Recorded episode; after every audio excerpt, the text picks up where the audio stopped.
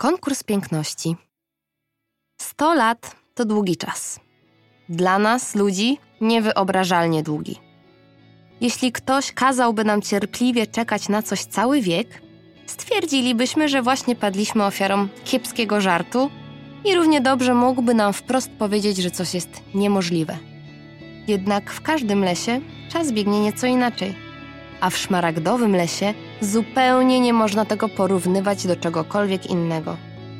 Przez te 100 lat las tętnił radością i energią związaną z oczekiwaniem. Drzewa skrzętnie pracowały i obmyślały, jaki to strój chciałyby przewdziać, gdyby mogły wszystko.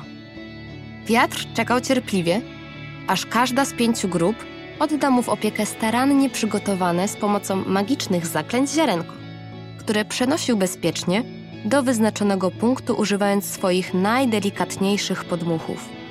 Duszki przygotowywały polanę otaczającą Leszego, aby prezentowała się jak najpiękniej w tym szczególnym dniu. Pięć okręgów usypały z najbardziej odżywczej ziemi, jaką udało się znaleźć w lesie. Okręgi te urządzone zostały w bardzo słonecznym miejscu z najwyższą dbałością o to, aby każdy promyk słońca padał na nie tak samo długo, tak samo intensywnie i oczywiście pod takim samym kątem. Cała polana obleczona została najbardziej puszystym i lśniącym mchem. Udało się także ugłaskać kilka porostów, które obrosły pobliskie drzewa, sprawiając, że wraz z eleganckim garniturem Leszego wszystko dookoła mieniło się niczym drobne kryształki. Zielonkawo-białe światło, odbijane od dekoracji, oświetlało dywany mchu, sprawiając, że polana tętniła zielenią i świeżością. Miejsca w pierwszym rzędzie zajęły z racji swojego wzrostu grzyby. Ich dorodne kapelusze dodawały polanie koloru i miękkości. W kolejnym rzędzie zgromadziły się nasze ukochane duszki. Jasna łuna, którą zazwyczaj roztaczały nocą, była widoczna nawet w pełnym świetle dnia. Takie były podekscytowane. Na miejscu było już także szanowne jury. W składzie z muchomorem, wybranymi duszkami i oczywiście nobliwym opiekunem lasu. Gdy Leszy nacieszył się tym niebywale pięknym widokiem, obwieścił, że czas rozpocząć pierwszy w historii szmaragdowego lasu konkurs i wycofując swoje dorodne i gęsto porośnięte liśćmi gałęzie, ukazał oczom wszystkich zgromadzonych pięć najpiękniejszych drzew, jakie kiedykolwiek widzieli. Jestem dębem. Bardzo się cieszę, że mogę dziś przed Wami wystąpić i o sobie opowiedzieć. Na wstępie muszę się jednak pochwalić, gdyż to właśnie w mojej drużynie znalazł się honorowy gość. Pomysłodawca tego oto konkursu. A teraz kilka słów o mnie. Chciałbym zwrócić Waszą uwagę na to, jak piękny i mocny mam pień.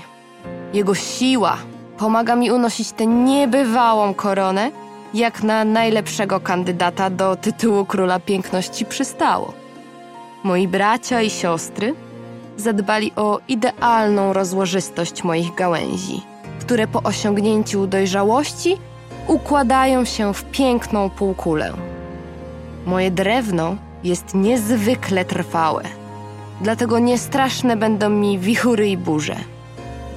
Z całym szacunkiem dla naszego gościa wiatru. Tak samo ogromne jak moja fryzura są moje korzenie, dzięki czemu utrzymuję równowagę, ale także przysłużę się wszystkim dookoła. Każdy będzie mógł skorzystać z mojej siły i wesprzeć swe wątłe konarki na moich pięknych ramionach, gdy będzie tego potrzebował. Siła nie jest moją jedyną zaletą. Spójrzcie proszę na to arcydzieło, jakim są moje listki. Czy widzieliście kiedykolwiek coś równie oryginalnego?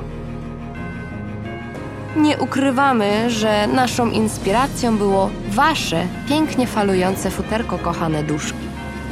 Stąd właśnie moje liście mają zaokrąglone krawędzie, obleczone dookoła dużymi łukami, niczym falbanka. Owoce, które nazwaliśmy żołędziami, to owalne, gładkie orzechy. ozdobione eleganckimi, kratkowanymi beretami, które zdejmujemy przed Wami, aby ukłonić się nisko i podziękować za czas poświęcony na prezentację dębu.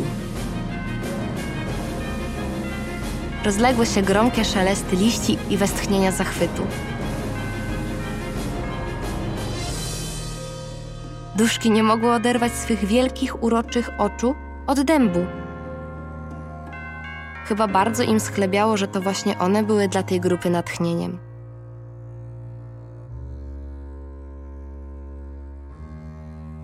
Musiały jednak oderwać swoje magiczne spojrzenie od majestatycznego drzewa, usłyszawszy melodyjną opowieść kolejnego kandydata.